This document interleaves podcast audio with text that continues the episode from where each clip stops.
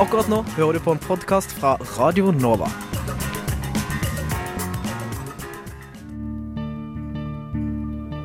for det hovedspørsmålet det hadde vært siden eh, Noam Chomsky etablerte den greina lingvistikken som, som jeg befinner meg i. Vi håper jo på bredest mulig oppslutning om SV, og jeg tror at det eneste som kan få norsk løsner båndene mellom staten og kirka, og forhåpentligvis fører til tettere bånd mellom kirka og folk. Så hadde de gjort som andre fjøringsbevegelser i verden, hadde de helt legitimt kanskje tatt i våpen. Og, så direkte skildring av menneskeskjebner tror jeg ikke vi har sett eh, i noen annen nyhetsdekning av noen annen terroraksjon. Det er såpass store forskjeller mellom den kalde krigen, hvor det var to supermakter som sto mot hverandre, eh, og den situasjonen vi har i dag. Du hører på samfunns- og aktualitetsmagasinet Opplysningen 99,3 på Radio Nova. Opplysningen 99,3 på Radio Nova. Er oppe før soloppgang hele vinteren for å lage løyper til skiløperne i Oslomarka. Men hvem er det egentlig som kjører løypemaskinene? En av dem kommer til oss straks. Sahel-området midt i Afrika er verdens største sammenhengende kriseområde. Dette ble lenge kalt en glemt krise, men Norge trapper nå opp bistanden til Sahel og området rundt Tsjadsjøen. Og vanlige nordmenn redder liv når katastrofer rammer i fattige land. Og det gjør de hjemmefra. Hvem er de? Det får du høre i dagens sending. Europeisk har en innvirkning på den enkelte nordmanns selvfølelse og identitet. De sliter, og de har ikke råd til å betale eh, markedspriser for, for gassen. Akkurat nå hører du på Radio Novas samfunns- og aktualitetsmagasin, Opplysningen 99,3. Velkommen til Opplysningen 99,3 denne fredagen 10. mars. I dagens sending så skal vi ta for oss både noe av det aller verste i verden, men også noe av det aller ypperste som verden har å by på. Mange har sikkert fått med seg barnepornodukkene som ble pakket opp av norske tollere for litt siden. Um, hva sier norsk lovverk om disse pornodukkene? Og hvem er det som bestiller de? Det skal vi prøve å finne ut av litt senere. Men før vi fordyper oss i denne mørke materien, så skal vi ta for oss noe som er langt hyggeligere. For jeg vet ikke med deg, men jeg er i alle fall glad for at snøen kom og la seg i Oslomarka eh, for litt siden. For denne vinteren har vært den mest snøfattige siden 1950-tallet. Med unntak av et overraskende snøfall i november i fjor, så har skiløperne måttet vente helt til februar før skiføret i Oslomarka meldte seg igjen. Da kom endelig vinteren, og like fort som den kom, så er den snart forbi.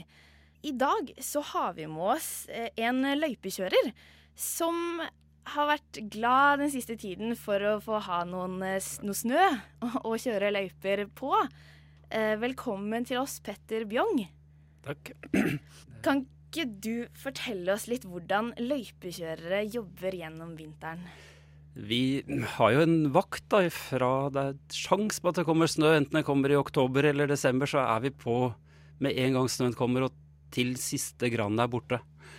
Og det, vi er jo kjempeprivilegerte som får lov til å jobbe med noe vi liker å jobbe med, alle sammen. Vi er jo glad i å gå på ski, alle som jobber med å lage skiløypene.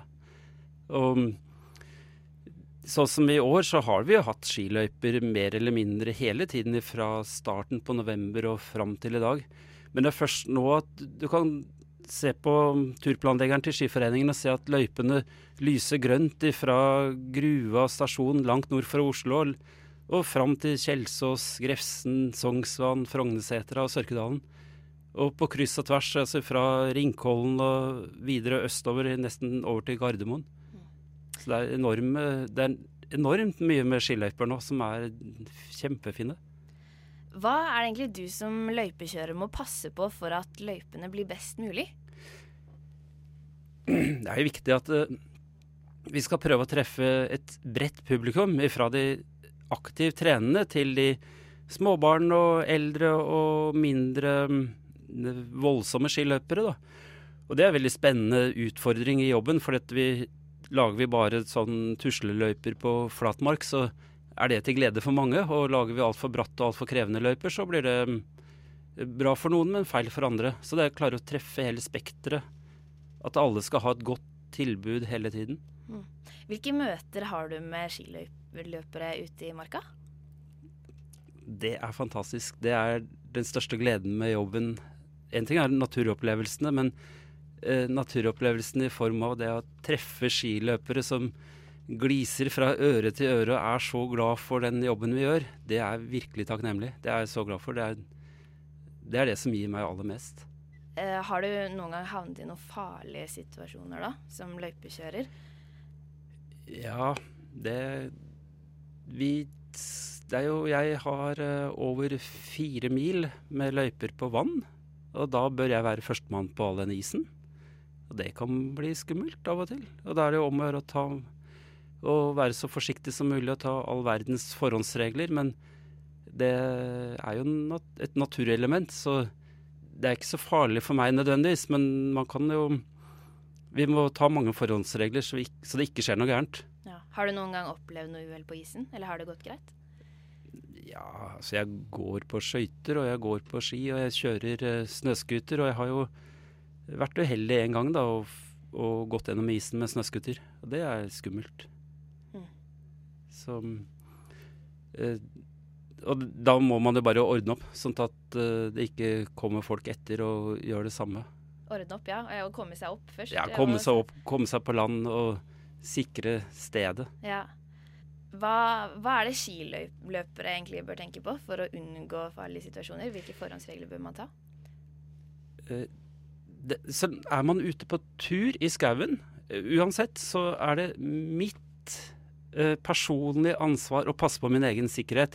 Det gjelder enten jeg er ute på vanlig jobb, eller ute på skitur eller skøytetur eller løpetur eller et eller annet. Så jeg kan aldri overlate det ansvaret til eh, andre enn meg selv.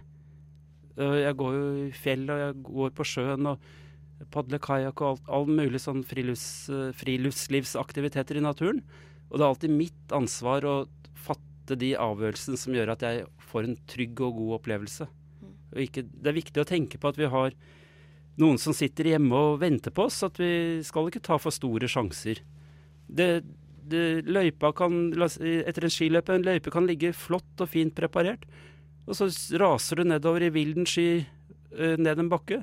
Og rundt svingen så kommer det en løypemaskin, eller trea ligger, ligger over løypa, eller du kommer noen småbarn eller noen eldre mennesker tuslende opp som fyller hele løypa, ofte feil side av veien.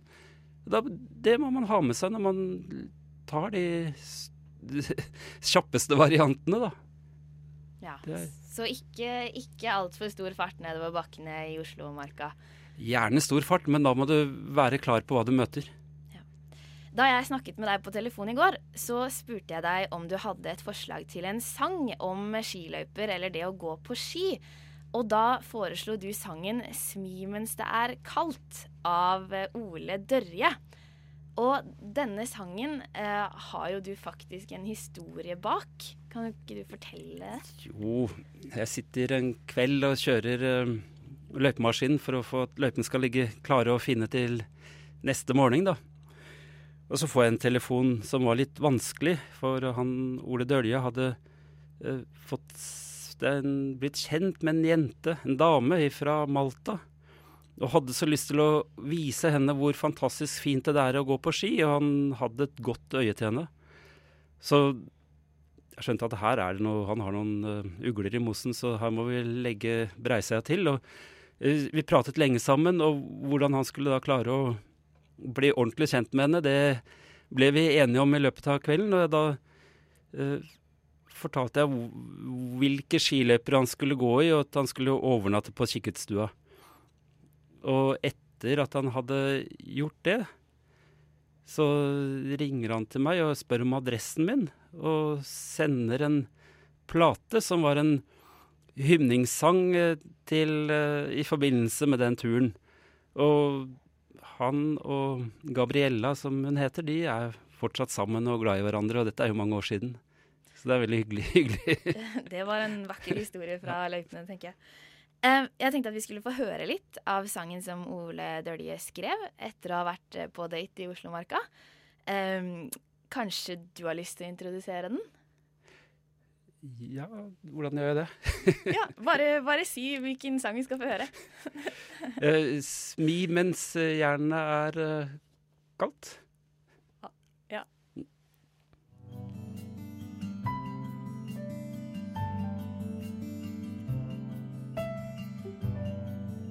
Parasoller er slått ned. Ingen utepils å se. Å springe naken på huk er for sent. Men den første snøen ligger snart parat. Og trikken har varmeapparat. Så nå tar jeg sjansen på å si Vil på ski med deg.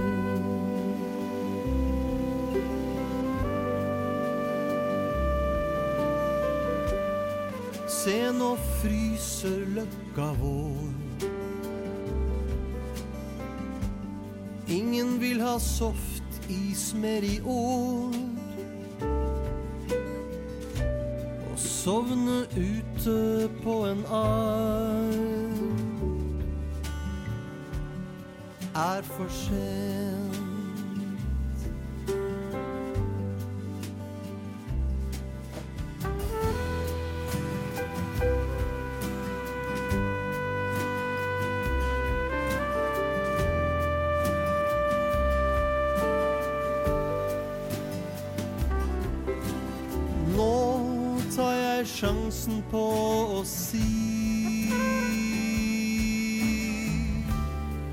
Vil til kikkut med deg.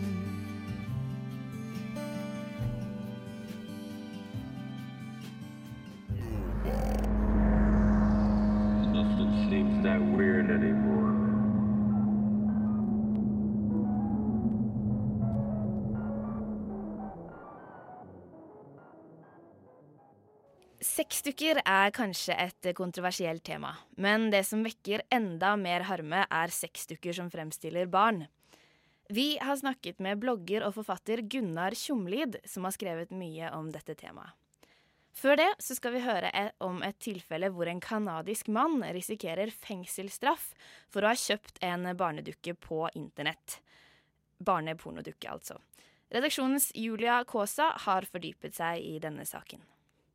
We have prisons now filled with guys my age, 60 year old white men in prison who've never harmed anybody, would never touch a child.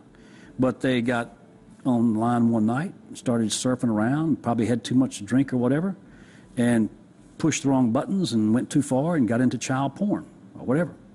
It happened to a friend of a lawyer friend of mine, a good buddy from law school. And again, they haven't hurt anybody, okay? Uh, they deserve some type of, you know, punishment, whatever. But 10 years in prison? I 2013 åpnet den kanadiske grensekontrollen en mystisk pakke fra Japan. Inne i pakken fant de en sexdukke. Det som overrasket grensepolitiet, var at dette ikke var noen vanlig sexdukke. Den lignet på et lite barn. Pakken var adressert til Kenneth Harrison, en 51 år gammel elektriker fra Newfoundland. Han ble arrestert og tiltalt for oppbevaring av barnepornografi. Saken blir nå prøvd i canadiske domstoler. Ifølge canadisk lov regnes barnepornografi som en visuell representasjon av noen under 18 år, hvor de dominante karakteristikkene er laget med et seksuelt formål. Teknisk sett faller altså Harrisons tilfelle inn under loven, selv om det er vanskelig å utpeke noe offer. Politienheten i Newfoundland beskriver sexdukken som en prepubertal kvinnelig dukke på ca. 130 cm. Ifølge vitner var dukken kledd i skolepikeuniform og har en åpning som skal etterligne et kjønnsorgan. Uh, this is your doll, 155 centimeter, with a Heidi head. Very nice, long and thin, athletic look, small breast, and the money shot here already. Very realistic vagina. Harrison har holdt en lav profil siden arrestasjonen for fire år siden. Nylig sendte han en uttalelse om saken sin til CBC News. Her sier han Jeg støtter ikke noen som helst form for misbruk av barn. Misbruk av barn bør umiddelbart rapporteres til de rette myndighetene.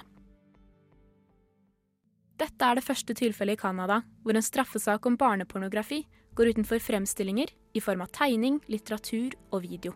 Saken vil antagelig sette en presedens for hvordan lignende saker vil dømmes i fremtiden. Daryl Hooper, en av grensekontrollørene som har vært med på etterforskningen av pakken, skal ha uttalt at han aldri har opplevd et lignende tilfelle. Hooper har jobbet for grensekontrollen i 25 år. Jiggle when you spank it. Of course, everybody wants to spank it. Kanadiske psykologer er uenige om barnelignende sexdukker faktisk er barnepornografi. Psykiater dr. Peter Collins skal vitne i rettssaken. Han mener at bruken av sexdukken skyldes en erotisk tiltrekning til prepubertale barn, og at dukkene oppfyller kravet til barneporno. Dr. James Cantor, som har forsket på pedofili i mange år, mener at interessen for barnesexdukker ikke gjør noen til pedofil. I tillegg sier han at loven om barneporno ikke kommer til anvendelse. Dette er ikke noen ekte person, sier han til radiokanalen RCN. Det er bare et stykke lateks. Så hvis det ikke er noe offer her, hvem er det som tar skade? Harrisons rettssak vil bli avsluttet i løpet av mars. Dersom han blir funnet skyldig, risikerer han opptil syv år med fengsel. This 155 centimeter doll is just absolutely delightful to the touch and to the eye.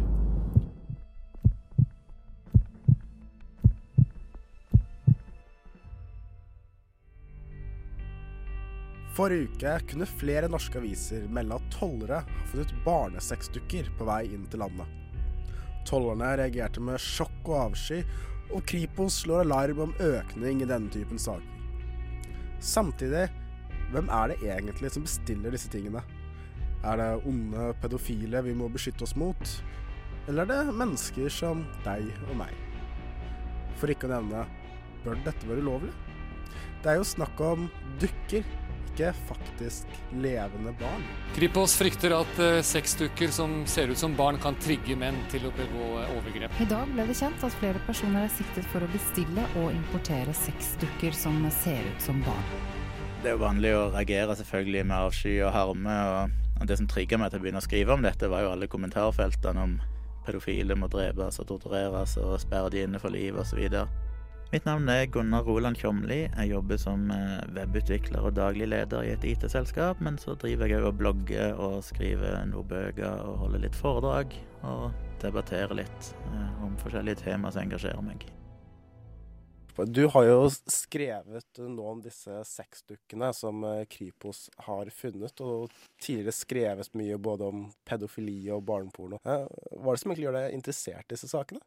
Jeg syns det er veldig interessant å skrive om ting som, eh, som treffer følelsene veldig hardt til folk, eh, men der gjerne følelsene overstyrer det rasjonelle. Eh, og det er jo, når det gjelder disse temaene her, så er det veldig mange løsninger som på en måte er kontraintuitive. Det er ikke, det er ikke den intuitive magefølelsen som nødvendigvis er den riktige hvis vi vil få bukt med et problem.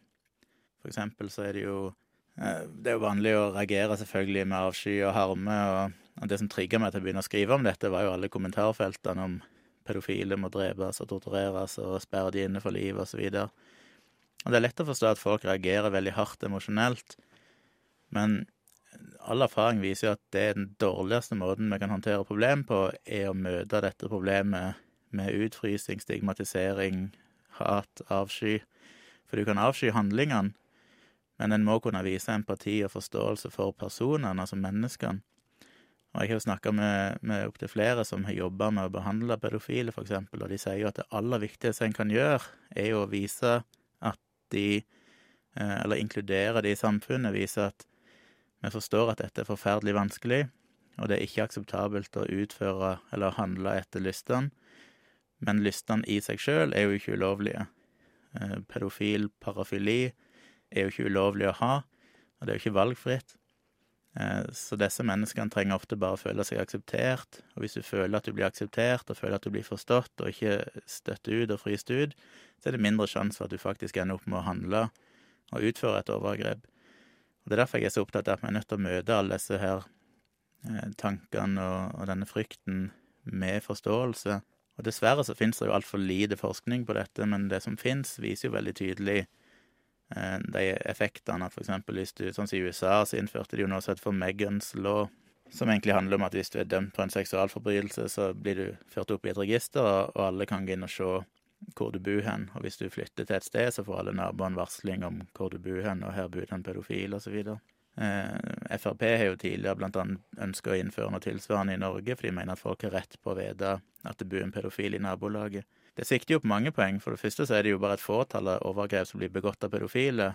Det er veldig lett å frykte pedofile, men de aller fleste overgrep blir jo begått av noen som ikke er pedofile, men som har psykiske problemer, lider under stress, har rusproblemer, er i en vanskelig fase i livet, og så ender de opp med å forgripe seg på et barn uten at de har en pedofil legning av den grunn. Um, men når du òg fryser folk ut og sier at i det huset så bor det en pedofil, og han får ikke lov å ha jobb, han får ikke være i nærheten av skole, så gjør du bare livet mye, mye vanskeligere for dem. Og det øker jo risikoen for at de vil ende opp med å forgripe seg igjen. Man hører sjelden noen snakke om hvordan det kan hjelpe pedofile. Heller er det snakk om hvilket enormt problem de er for resten av oss i samfunnet. Men hva skal en gjøre for at de skal kunne leve med diagnosen sin? Og samtidig, hva kan vi gjøre for å beskytte barna våre? Jo, jeg tror ikke jeg vil at en pedofil, en som er diagnostisert si, som pedofil, jobber i en barnehage eller nødvendigvis jobber med barn, men de må få lov å bli en del av samfunnet. De kunne få seg en jobb, en kontorjobb, en butikkjobb, et eller annet sted der du, der du er på en måte ikke ut, er en risiko, sånn sett. I tillegg så er jo tilbakelsesfallsgraden veldig, veldig eh, hos pedofile. Altså er du først dømt for å utgjøre Eller ikke pedofile, nødvendigvis, men folk som har forgrepet seg på barn. Er du dømt for å ha forgrepet deg på et barn, så er det siste tallet jeg så, var vel 15% eller sånn de regner med, som gjentar dette etterpå. Og det er jo lavere enn for f.eks. voldtektsforbrytere og de fleste annen type kriminalitet. Så hvis en virkelig var redd for det, så burde en jo stigmatisere enhver person som har vært kriminell, en voldtektsforbryter. Hvem som helst burde jo hatt det samme. Men av en eller annen grunn så plasserer vi jo pedofil i en veldig spesiell kategori. Og det er jo lett å forstå, for det er barn, og vi har et veldig eh, behov for å forsvare barn. Eh, men rent sånn rasjonelt sett, hvis du tar vekk ifra det, bare ser på hvem er det som egentlig utgjør størst risiko, så er det ikke nødvendigvis Iallfall ikke den dømte pedofile. Og I tillegg så er jo den største trusselen Folk har jo en idé om den her skumle pedofile som kidnapper barnet ditt på skoleveien. eller noe Det skjer jo praktisk talt aldri. Har det skjedd i Norge? Én gang, kanskje, eller noe sånt i historien. Eh, De som forgriper seg på barn, er jo eh, fedre, din bror, din onkel, din tante. Altså det er folk i familien eller naboer. Det er sånn folk som står veldig nær, som du aldri ville tenkt kunne gjøre noe sånt. Det er jo de som er den reelle faren. Ikke en eller annen fremmed, tilfeldig pedofil som du aldri har møtt før, eller bare lest om i nyhetene. Som er en sånn veldig forstyrra eh, risikoaspekt rundt dette her, som, som egentlig gjør oss mer utsatt. Men for å ta tilbake til disse sexdukkene. Du hører jo når eh, Kripos snakker om det, at de mener at den typen ting, og annet f.eks. ting som animert barneporno, kan normalisere handlingene, sånn at det blir et mindre ja, eh, mindre farlig for den pedofile, da, i hermetegn, å skulle faktisk gjøre et overgrep. Uh, hva tenker du om det? Det med status i dag er at vi egentlig ikke vet. Uh, det er altfor lite forskning på det, og det er et problem at det blir ikke Altså, det, det er jo gjort Tidligere ble det gjort forskning der du utsatte folk for bilder av barneporno og sånn, og så hadde du en sånn måleapparat på penis som registrerte om de reagerte på det, og så videre, og så kunne du se om behandlingen virker. Ikke sånn. Det er ikke lov lenger, for det er ikke lov å eksponere noen for barneporno. så Derfor har de prøvd istedenfor å bruke lyder, noen som snakker om barneporno, eller snakker om eh, seksuelle situasjoner med barn. Men det, i Norge så krysser det over grensa, du har ikke lov til det heller. Så det er veldig vanskelig å forske på dette når det er fullstendig ulovlig i, all, i alle former. Um, så derfor vet vi egentlig ikke nok, og vi vet sexdukkene er jo såpass nye at de vet vi jo ingenting om, egentlig. Men det vi vet derimot, og vi kan se på historiske data, det er jo ganske interessant. For det er jo land som fram til på 80- og til og med tidlig på 90-tallet så var det lovlig med barneporno. For eksempel i Danmark så ble det jo først ulovlig på tidlig 80-tallet eller noe sånt. Beklager hvis jeg sier feil årstall her nå, men det eh, skal ikke så veldig langt bak i tid iallfall før dette var lovlig. Eh, I Japan var det lovlig til relativt nylig. I Tsjekkia er det vel et par østeuropeiske land så har det vært lovlig ganske lenge. Og da kan du jo se på statistikken for overgrep mot barn hva som skjedde når de forbøy barneporno. Og det en fascinerende nok ser, er at når du forbyr barneporno, så øker antall overgrep mot barn. Eh, og da er de korrigert for den eh, andre endringer i livskvalitet og liksom økonomien til landet og kriminalitet og sånn, så ser de ganske klar kobling med at antall overgrep mot barn øker. Det er jo ikke noe argument for å tillate barneporno i seg sjøl, det barneporno eh, betyr at du nødvendigvis har forgrepet deg på et barn for å produsere materiale. Men det kan være et argument for animert barneporno der det ikke er noe offer i seg sjøl, eller sexdukke. Altså det er indisier på at det at du kan få utløp for lystene dine via uten å forgripe deg, faktisk kan hindre deg for å forgripe deg på barn. Og en har jo sett det samme i mye større skala hvis du ser på pornografi generelt fra stat til stat i USA, eksempel, der pornografi gikk fra å være ulovlig til å bli lovlig. Altså den motsatte effekten av barneporno, der det gikk fra å være lovlig til å bli ulovlig. Eh, og i flere andre land så har en jo sett at voldtekter, eksempel overgrep, synker når pornografi blir lovlig, som igjen tyder på at folk har godt av å få utløp for lystene sine på privaten, og da, de noe, da går de ikke ut og, og forgriper seg på andre. Dette er ikke veldig sikre data. Når det gjelder pornografi, så er det relativt sikkert. Når det gjelder barneporno, så er det litt færre land og litt mindre data, så en skal være litt forsiktig med å støtte seg for mye til det. Men en har iallfall noen indisier på at det kan virke forebyggende, og det er ingen indisier som sier at det faktisk utløser overgrep. Ehm, så selv om en ikke har noen data, så vil jeg si at du skal Terskelen for å innføre nye forbud skal ligge veldig høyt. Du skal ha gode argumenter for å forby et eller annet. Det skal ikke være sånn at vi forbyr det for sikkerhets skyld, og så får vi finne ut senere om det faktisk var noe i det. På det grunnlaget alene mener jeg at en bør ikke forby men når en i tillegg, de dataene en har, tyder på at det kanskje kan virke forebyggende, så mener jo jeg at dette bør være lovlig, uansett hvor motbydelig vi finner det. Og det er jo ikke et moralsk spørsmål. altså Folk har jo spurt meg òg, jeg syns det er greit med sexdukkene fordi du vil ha de lovlige. Men det er jo to forskjellige spørsmål. Jeg kan synes det er forkastelig, og jeg liker tanken på at noen har lyst til å ligge og ha sex med små barnedukker. Men det er jo et fullstendig følelsesmessig og moralsk spørsmål. Spørsmålet er likevel skal det være ulovlig. Det er veldig mye her i samfunnet jeg syns er forkastelig, både ytringer og alt mulig rart som jeg gjerne skulle ha forbudt, for det rammer ikke meg sjøl.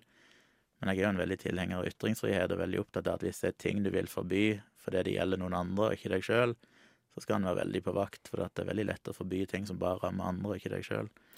Men vi har jo i stor grad lover mot f.eks. hatytringer, da, altså bør ikke si, loven på noen måte være et slags moralsk kompass for hva som er greit og ikke? Nå er jeg personlig motstander av eh, rasismelov og sånn. Jeg er jo relativt profilert antirasist, jo, men jeg syns at ytringer i seg sjøl må være lov, for vi må heller tale imot det med motytringer. Så lenge det ikke, og det er jo sånn prinsipp som jeg holder meg til, dette med clear and present danger. Altså hvis ikke det utgjør en umiddelbar og konkret fare mot et individ eller en spesifikk gruppe, så mener jeg det skal være lov å si hva som helst Eh, og jeg har jo sjøl blitt møtt med fryktelig mye hets og trakassering og beskyldninger og sånn, men jeg har jo aldri reagert sjøl mot det juridisk, for at uansett hvor ubehagelig det er, så mener jeg at uh, dessverre må være lov. Uh, for jeg syns hvis vi begynner å forby enkelte ytringer og sånn, så, så, er det farlig uh, generelt sett. Jeg mener vi må ha en veldig, veldig stor ytringsfrihet i dette landet barnepornoloven i Norge er ganske forskjellig fra f.eks. For Interpol sin definisjon. da. Uh, hvor det at i Norge så er det vel strengt tatt ulovlig hvis jeg skriver ned på lappen her en historie om sex med barn. Hva tenker du om det? Er det spesielt sånn som vi gjør det i Norge? Ja, jeg har veldig lite sympati for det lovverket sånn som det er formulert i Norge. Uh, det at to personer på privaten chatter eller snakker om noe som involverer sex med barn, at det kan bli ramma som produksjon av barneporno, eller at du bare går inn på internett og leser en novelle eller skildring som handler om det, så har du i praksis uh, tråkket over grensa juridisk. Det syns jeg er både problematisk fordi jeg mener at folk skal ha frihet til å snakke og tenke og mene akkurat hva de vil, så lenge de ikke direkte skader andre. Og i tillegg så mener jeg at det hemmer jo muligheten folk som har disse lystene, har til å faktisk både få utløp for dem på en ufarlig måte, og ikke minst kunne lufte tankene sine, for dette er jo folk som ofte skammer seg veldig over det de føler, og de har et behov for å snakke med noen som ikke umiddelbart vil fordømme de eller ta avstand fra det, men som kanskje kan forstå og være en samtalepartner, og det kan være et steg på veien til at de søker hjelp, for at de kan få på en måte Du trenger ofte å snakke om ting for å formulere hva du egentlig mener og tenker om ting. Hvis du bare har det lukka i ditt eget hode, så kommer du liksom ingen vei. Samtidig så ser jeg jo argumentet med at i enkelte av disse miljøene så, så, kan folk ende opp med å stimulere hverandre til å begå overgrep, hvis de driver og snakker og får på en måte en aksept for det. Så det er en vanskelig grense, det kan liksom slå begge veier. Men jeg føler alltid at vi må være på den sida at vi lar folk ha den friheten, selv om det av og til kan ha negative konsekvenser. Fordi at jeg tror jo at når du ser når de, sånn som Kripos argumenterer for at de har sett eksempler på det mørke nettet der folk stimulerer hverandre og sender det opp med et overgrep, ja, det er greit nok, det er jo tragisk når det skjer, men det er jo bare et veldig selektivt utvalg av data. De ser jo ikke på alle de tilfellene der det ikke skjer, og der det kanskje er positive effekter. Og det er et problem i mye av dette. De, de sier jo det samme, at ja, barneporno fører til overgrep, fordi at veldig mange av de som blir dømt for overgrep, finner vi barneporno hos. Ja, men det er jo på en måte en selvoppfyllende profeti. Da har du bare sett på datamaterialet for de de faktisk er tatt for å ha lasta ned barneporno. Mens alle de som eh, har barneporno og aldri gjort noen ting, eller som ikke har barneporno og ikke har gjort noen ting, eller alt, alle de andre liksom som ikke har havna i politiet sitt søkelys, vet jo egentlig ingenting om. Og det kan være et ganske stort mørketall som viser at det kan ha en preventiv effekt, og ikke nødvendigvis en utløsende effekt. Og så det er veldig mye dårlig statistikk på dette, veldig selektivt utvalg, for du fokuserer alltid på data fra de som allerede er dømt for å ha gjort det, og det er kanskje de verste av de verste. Mens for alle de andre så vet vi egentlig ingenting, for de har jo aldri havna i politiets søkelys. Så, så det, jeg syns det er vanskelig å liksom innføre lover basert på det veldig selektive datamaterialet vi har for de få som allerede har blitt dømt for det, for det, det gir jo et veldig skeivt datagrunnlag. Vet vi noe om hvor mange pedofile det egentlig er? Og er det noe behandling for det? Eh, det finnes veldig mye forskjellige tall, og de sitter ikke med i hodet nå. Men det er jo det er nok jeg har ikke sett 1-2 prosent eller noe. Altså det, det finnes en liten prosentandel som regner med har disse pedofile lystene. Så er spørsmålet hva er pedofili, og det har jo endra seg litt over tid. Per i dag så blir det jo regna som en parafili. Det vil si at det er ikke en legning, det er ikke en psykiatrisk diagnose i den forstand, men, men det er en parafili på lik linje med å ha en fetisj for gummistøvler eller altså et eller annet sånt. Og det mener de jo er eh, det er ganske viktig, da, for ettersom det ikke er en legning på lik linje med homofili, eksempel, så er det noe du i teorien kan behandle og kan endre eh, følelsene og atferden. Eh, så jeg har snakka med forskjellige. Jeg snakka med folk som har jobba, eksempel Tore Langfelt. Han har jo jobba mye med pedofili, og mener jo at han har en veldig høy helbredelsesrate. Han er vel, tror jeg det er snakk om bortimot 100% mener han kan bli friske når de får behandling.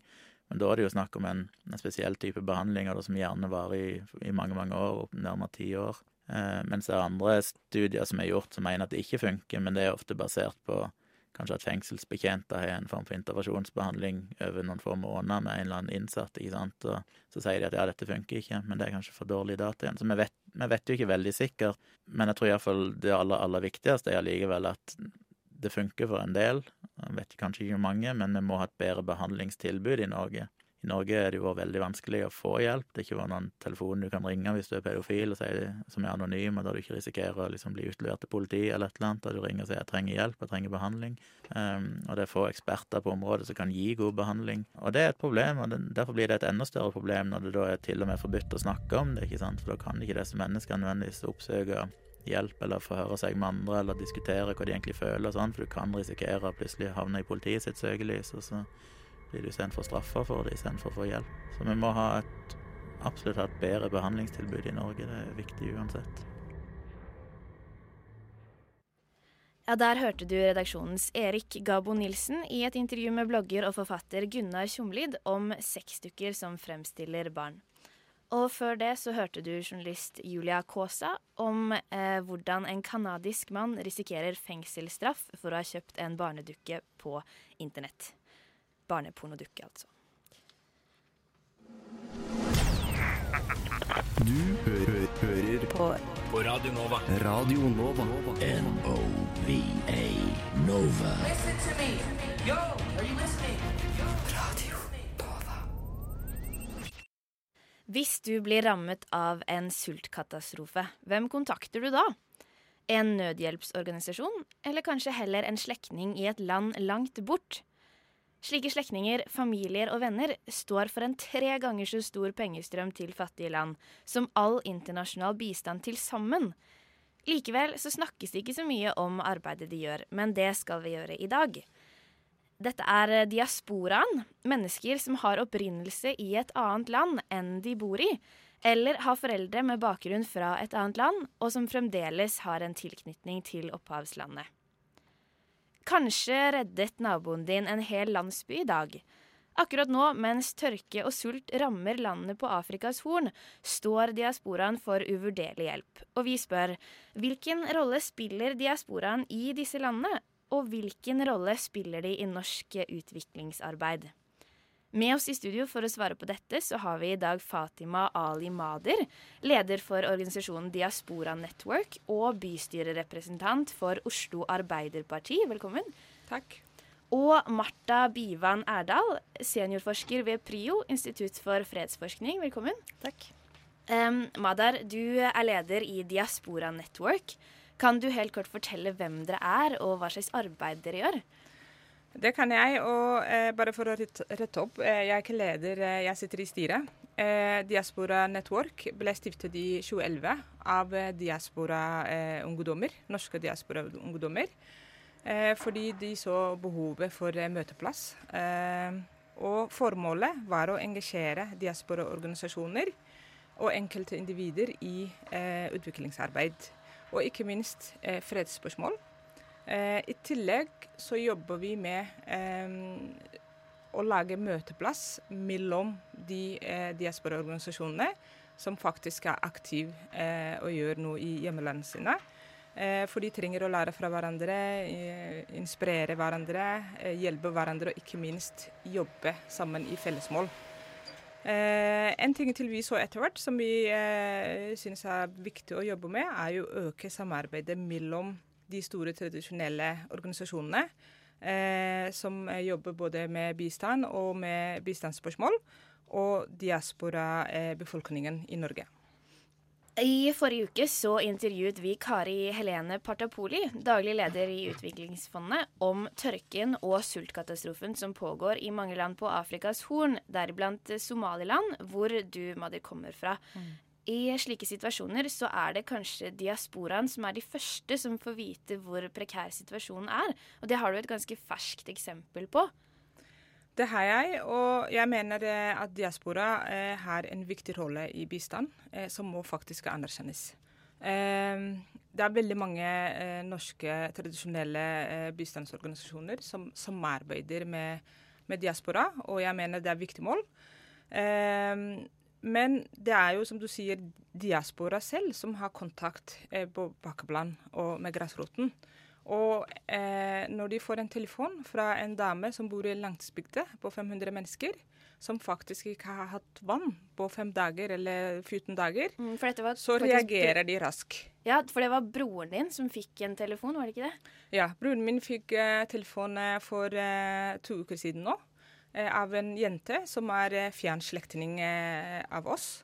Og hun sa jeg har heldigvis fått telefonnummeret ditt fordi situasjonen her i landsbygda er så alvorlig at mennesker reagerer, risikerer å dø nærmeste to dager. Og han var helt kjekk og ringte meg og sa hva gjør jeg? Og så ringte han da en mann som befant seg, en ressursperson som befant seg ikke så langt unna der og spurte hva han kunne gjøre. Han sa jeg kan faktisk sende eh, vann dit nå eh, innen to timer hvis du sender 200 dollar. Og min gjorde det gjennom disse eh, overførings pengeoverføringssystemene, som er veldig raske å sende penger. Og vannet på, på, var på plass eh, innen to timer, og folk fikk, eh, deriblant barn, småbarn, fikk vann første gangen i 14 dager. Og bare det eksempelet er helt utrolig, og det ga meg gåsehud. Mm. Eh, men det sier litt om hvilke kontakter og nettverk vi har, og hvordan vi kan raskt få hjelp der det trenges, her og nå. Når det handler om eh, mellom liv og død. Mm. Det er kanskje en slik kontakt eh, og nettverk ikke minst, som er den store forskjellen på de store nødhjelpsorganisasjonene og bistandsorganisasjonene og, og diasporaen. Marta Erdal? Ja, det er absolutt noe med nettverk eh, og kontakt og nedslagsfelt som er veldig viktig. Jeg tenker at Når man snakker om disse eksemplene, eh, så er det viktig å sette det inn i en større kontekst. og Der er jo nettverket, å forstå det, veldig viktig. For Diasporas utviklingsengasjement det er måte, noe man må forstå i en større bilde. Dette handler om pengeoverføringer spesielt, og det er jo noe som er målbart. ikke sant, Som du sa, det er ca. tre ganger mer pengeoverføringer som sendes internasjonalt fra internasjonale migranter og hjem til stedene de har kommet fra. Eh, og det er jo utrolig mye mer enn den internasjonale bistanden vi har. Tre ganger mer. Eh, og det er jevnt stigende, den andelen, eh, også over tid. Men hvorfor sender de disse pengene? Én ting er jo i krisesituasjoner. Men poenget er jo at man holder jo kontakt med opprinnelsesstedet, med folk der og miljøet der, i gode og dårlige tider. Eh, og det er på en måte forutsetningen for den kontakten, for den tilliten, for, for det nedslagsfeltet diasporaene har. At dette er en del av relasjoner som er stående. Og det er på en måte kanskje forskjellen. At dette er transnasjonale sosiale felt, som vi kaller det. Altså det er miljøer som, som faktisk fins. Og Derfor så kan man også benytte det. Og det er helt naturlig da, at man i en krisesituasjon tar kontakt med de som man kjenner rundt omkring i verden for å få hjelp. Mm. Men hvordan vet vi egentlig hvor stor denne pengestrømmen er? Hvordan måler man det? Det er jo veldig mange spørsmålstegn rundt disse tallene. Men de tallene som, som, vi opererer med, er da fra Verdensbanken. Og de registreres stort sett gjennom nasjonalbankene, altså statsbankene i de ulike landene. Eh, og Det gjør at dette er beløp som er ganske konservative. altså Det er beløp som antagelig er for lave. Eh, og det er jo fordi veldig mye sendes jo også eh, privat, eller tas med f.eks. når man reiser. ikke sant? Og det er også sånn at disse beløpene som sendes inn, da, de sendes jo da til forskjellige land hvor statsbankene kan være mer eller mindre godt fungerende, og dermed i stand til å telle de pengene eller ikke. Og En siste ting jeg kan nevne der er at Ofte så regner man jo hvor mye penger sendes det f.eks. fra Norge til et annet bestemt land. Men da er det vanskelig å regne, også fordi selvfølgelig er disse diasporanettverkene internasjonale. Sånn at den hjelpen som kommer nå til Somalia, den kommer jo fra hele verden, fra diasporaene i hele verden. Og Derfor så er det veldig vanskelig å på en måte, si noe sikkert om akkurat hvilke beløp det er, for dette er veldig internasjonale nettverk. Mm. Ja, Madar? Eh, La oss først se på hvem er diaspora. Diaspora er, består av personer eh, som er engasjert i å hjelpe andre mennesker. Eh, og jeg mener at diaspora, som du også er inne på, eh, er de største bidragsyterne. Eh, men dette er jo, det er synd at det ikke er anerkjent som, eh, som bistand i den forstand. men størrelsen på pengene som går ut av Norge til et land, spiller faktisk ingen rolle for meg. Det som spiller rolle for meg, det er hvor går pengene til? Hva går pengene til? Og det pengene går til, det er jo familier som trenger det. La oss si et eksempel, f.eks. En alenemor med fem barn som har mistet mannen sin i krigen. Hun sitter der og har faktisk ingenting annet å leve av enn de 200 dollarene som kommer fra meg, som er i arbeid, som jobber, og som er villig til å dele min lønn min levebrød med den kvinnen og de fem barna. Og det er jeg som er bidragsyter til de hele tiden. Månedlig så sender jeg for eksempel, Dette er et eksempel. ikke sant? Sender jeg 200 dollar fast for å eh, holde liv den familien, og til og med kanskje for å gi utdanning, grunnutdanning til noen fattige barn som ellers ikke hadde hatt den muligheten. Så jeg mener at det her er den type eh, bistand som er meget viktig. Og hvis man da legger to og to sammen, ja, det blir større, større penger, men dette er viktige penger. Og noen av oss har faktisk ingen valg. Vi må sende de pengene for å hjelpe folk som trenger det. Er det på denne måten dere hovedsakelig jobber i Diaspora Network, med å se hvem som trenger det, og sende pengene direkte dit? Eller hvordan jobber dere egentlig? Det Diaspora jobber eh, med, er jo mennesker som er engasjert i sitt eh, opprinnelsesland. Eh, det er organisasjoner, det er enkelte personer som kanskje har bygd en skole der de eh, kom fra. Eh, det lille bygdet som ingen andre vet. Eh, det bygger jo også Kirkens Nødhjelp, skoler, men de kan ikke bygge overalt norske eh, Flyktninghjelpen eh, gjennom et prosjekt de har med UNICEF som heter eh, til skole. De bygger også skoler, men de kommer ikke overalt. Derfor er diaspora viktig å komme dit hvor ingen andre kommer. Og eh, når vi da ser at det er tolv stykker som har gått sammen for å samle penger for å bygge en grunnskole, for å gi grunnutdanning, noe som er eh, viktig for de barna, eh, og som også er forebyggende for fattigdom i, på sikt, Eh, så henter vi de, og så henter vi også andre som gjør det samme. Og så sier vi vær med å gå sammen og kanskje jobbe sammen, siden dere alle er opptatt av å gi grunnutdanning til barn.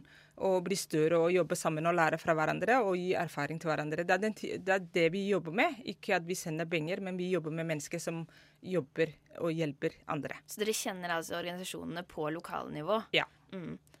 Det hadde du en kommentar til? Ja, altså, eh, jeg tenker at det er liksom viktig å understreke der at det er en sånn glidende overgang mellom det som er det man ville kalt måte, private overføringer, som er mellom familiemedlemmer, f.eks. hvor man sender til en søster eller en bror, eller en onkel eller en bestefar eller en fetter.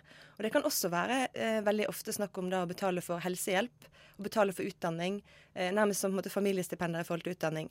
Og så er det en glidende overgang da, til at man i landsbyen hvor foreldre eller besteforeldre kom fra, er, ser at det er et behov for noe, reparere skolen, eh, hva det skulle være for noe, ikke sant? til at man også jobber med mer formelle organisasjoner. Her er det viktig å se at det er et bredt spekter av ulike aktører. Man har religiøse aktører, man har religiøse organisasjoner, moskeer f.eks. som gjør en, en innsats. Og så har man også mer sånn vanlige NGO-type organisasjoner som også jobber kanskje mer rettighetsbasert eh, på bakken.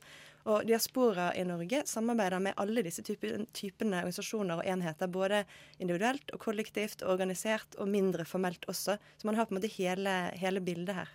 Mm. Men hvordan vil du beskrive diasporaens rolle i norsk utviklingsarbeid? Eh, først og fremst så vil jeg kanskje bare understreke det som allerede er sagt, og det er at det er en underanerkjent rolle. Eh, og det tror jeg har med flere ting å gjøre.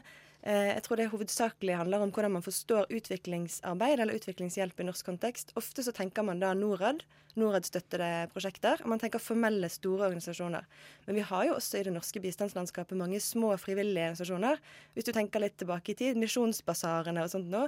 Så frivillig grasrotarbeid som er mindre formelt organisert, mindre store, store organisasjoner, det fins også i dette landskapet. Og jeg tenker at man må forstå diasporaengasjementet kanskje mer inn mot den typen arbeid. At dette er grasrotengasjement. Dette er sånn som du sier, man føler at man har ikke noe valg. Dette er noe man må gjøre. Engasjementet er så sterkt. Og det er kanskje det som er hovedpoenget, at, at det engasjementet det fins. Og det er en uutnyttet ressurs, fordi det anerkjennes ikke. Så man for det første ser ikke at det er der, og det er der uansett. For det andre anerkjenner man det ikke, og da mister man veldig mye som man kunne tjent på i det norske samfunnet. For ved å anerkjenne innvandreres innsats i deres opprinnelsesland, eller foreldres opprinnelsesland, så gir man dem en støtte på ting de allerede gjør, som er viktig, og som alle kan være enige om at det er viktig og bra. Og vi vet jo alle hvordan innvandringsdebatten vanligvis i Norge er. Og det tredje er jo at jeg også tenker at man i forhold til selve bistands- og utviklingsarbeidet mister en del eh, mangfoldsperspektiver på hvordan man skal gjøre det arbeidet her eh, også. Mm. Madar, føler du at eh, det norske diaspora-nettverket blir anerkjent nok tilstrekkelig av norske bistandsorganisasjoner, som f.eks. Norad? Nei. Jeg eh, Også selve diasporaorganisasjonen vår jo, får jo penger fra Norad, og vi samarbeider med Norad i den forstand. Men diaspora-arbeidet, også den, eh, den type hjelpen vi snakker om, er jo ikke anerkjent som en, eh, som bistand. Eh, vi snakker om, eh, Ofte når vi snakker om det, så snakker vi om som overføring av penger. Større penger går ut av Norge til et land osv. osv. Uten å faktisk studere hva eh, pengene går til, og hvordan pengene eh, har kommet til. Eh, fordi som jeg nevnte, er jo lønna vårt. Det er vi som er i arbeid, som kan sende penger. De andre har jo ikke penger til å sende. Men vi har ikke valg, for det er en søster, en tante, en onkel der ute som trenger de pengene for å leve. Eh, men det som er viktig, er jo at store tradisjonelle organisasjoner som jobber med bistand, de har jo den faglige kunnskapen eh, til å drive bistand. Men diaspora har det nettverket de trenger for å komme raskt frem. Mm. De kan kulturen, de kan språket, de, kan, eh, de, de kjenner eh, sivilsamfunnet, de kjenner enkelte personer. Og da er det lettere for dem å komme, komme frem eh, med hjelp. Eh, nå ser vi jo at hjelpen kommer for seint, og det er jo det som er største problemet her.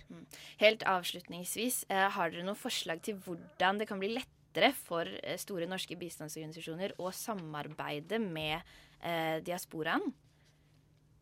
Jeg kan ikke bare begynne raskt. Jeg tenker at eh, Det å anerkjenne mangfold som en ressurs er kjempeviktig. og Norske myndigheter oppfordrer jo også til at bistandsorganisasjonene skal bli flinkere til å rekruttere folk med, med ulike typer bakgrunner. Og Da tror jeg det er helt grunnleggende at man rett og slett også anerkjenner at det å ha transnasjonale bånd og det å være godt integrert, det er ikke to størrelser som er imot hverandre. Tvert imot. Du er et veldig godt eksempel på at her er det en person som er veldig engasjert i Norge, og veldig engasjert et annet sted. Og veldig ofte så ser vi også det i forskningen. Eh, det finnes jo eksempler på organisasjoner som faktisk eh, samarbeider tett med diaspora. Det er Utviklingsfondet. De har en unik samarbeid med, med, med diasporaorganisasjoner som allerede er engasjert, eh, enten det eller det andre. Og de, eh, eh, de hjelper hverandre ved å eh, eh, Utviklingsfondet gir den faglige kunnskapen, mens de diaspora faktisk bidrar det de kan. Og det fungerer veldig bra, så jeg anbefaler at veldig mange lærer av det. Men det jeg har veldig lyst til å legge til, det er at situasjonen i regionen nå er alvorlig. Det er millioner av mennesker som risikerer å faktisk miste livet eh, eh, som eh, følge av tørken som har slått til i regionen. Eh, og i 2011 så var situasjonen den samme. Da kom hjelpen for seint, og nå ser vi at hjelpen kommer til å komme for seint. Og det er veldig synd at vi ikke lærer av det, og ikke forbereder oss. Vi får håpe at litt læring er eh, i, i underveis nå. Tusen takk for at dere kom i studio, Fatima Ali Madar i styret for eh, Diaspora Network, Og eh, Marta Bivan Erdal, seniorforsker ved PRIO. Det er jo klart for de fleste at noe, noe er galt med verdensøkonomien. Alvorlig galt. First thing I, I went into prison, a young man, and I got out of it a very old man. Du hører på Opplysningen 99,3 på Radio Nova. Hvert år så lanserer Flyktninghjelpen en liste over fluktkriser som verden har sviktet. På toppen av denne listen for 2016 så finner vi Sahel. Dette er en region som strekker seg på tvers av det afrikanske kontinentet og rommer noen av verdens absolutt fattigste land, som Tsjad, Niger, Kamerun, Mali og Nigeria. Og et av kriteriene for at nettopp Sahel havnet på toppen av denne listen for 2016, er mangel på medieoppmerksomhet. Mediene mister fort interessen for kriser som varer over tid. De glemmes. Men nå har denne krisa vart såpass lenge, og den bare eskalerer.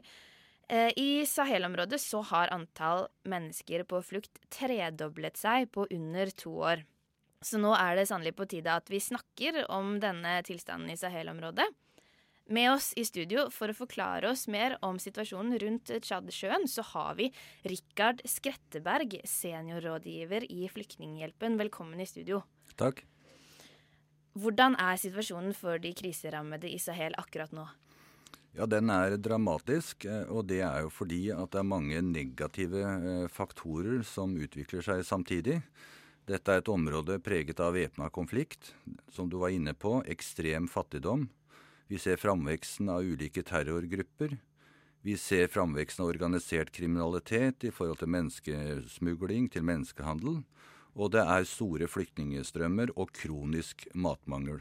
Alt dette samtidig som disse statene er svært sårbare med svake statlige institusjoner og veldig porøse grenser. Eh, vi har også området, et av de områdene i verden hvor klimaendringene allerede har eh, vart en stund, og vi ser allerede nå virkningene. Og som ikke alt dette er nok, så er det et land som hvis vi ser på hele Sahel, nå har ca. 125 millioner innbyggere. Om 30 år vil det være 300 millioner. Ja, Så det var alt sammen på en gang? Ja, det er jo koblingen av alle disse tingene som gjør at situasjonen har blitt ekstrem eh, på den humanitære sida. Og eh, ved siden av de landene som du nevner, hvis vi ser på randstatene, altså de som ligger rundt Sahel, så har vi da f.eks. Den sentralafrikanske republikk, hvor en dramatisk humanitær situasjon. Vi har et kaotisk Libya, og vi har et konfliktfylt eh, Sudan. Vi har noen få lyspunkter også i et land som Elfenbenskysten, eh, hvor vi har økonomisk framgang og hatt valg osv. Men eh, dessverre, lyspunktene er ikke mange. 24.2 februar i år så ble det arrangert en internasjonal giverkonferanse i Oslo til inntekt for eh, Nigeria og området rundt Tsjadsjøen. Norske myndigheter har bestemt at de vil bruke inntil 1,6 milliarder kroner på bistand til eh, dette området i perioden 2017 og fram til 2019. Kan du si noe om hvilke sjanser disse Altså, hvordan er det å gi penger til land som ikke har fungerende politiske institusjoner.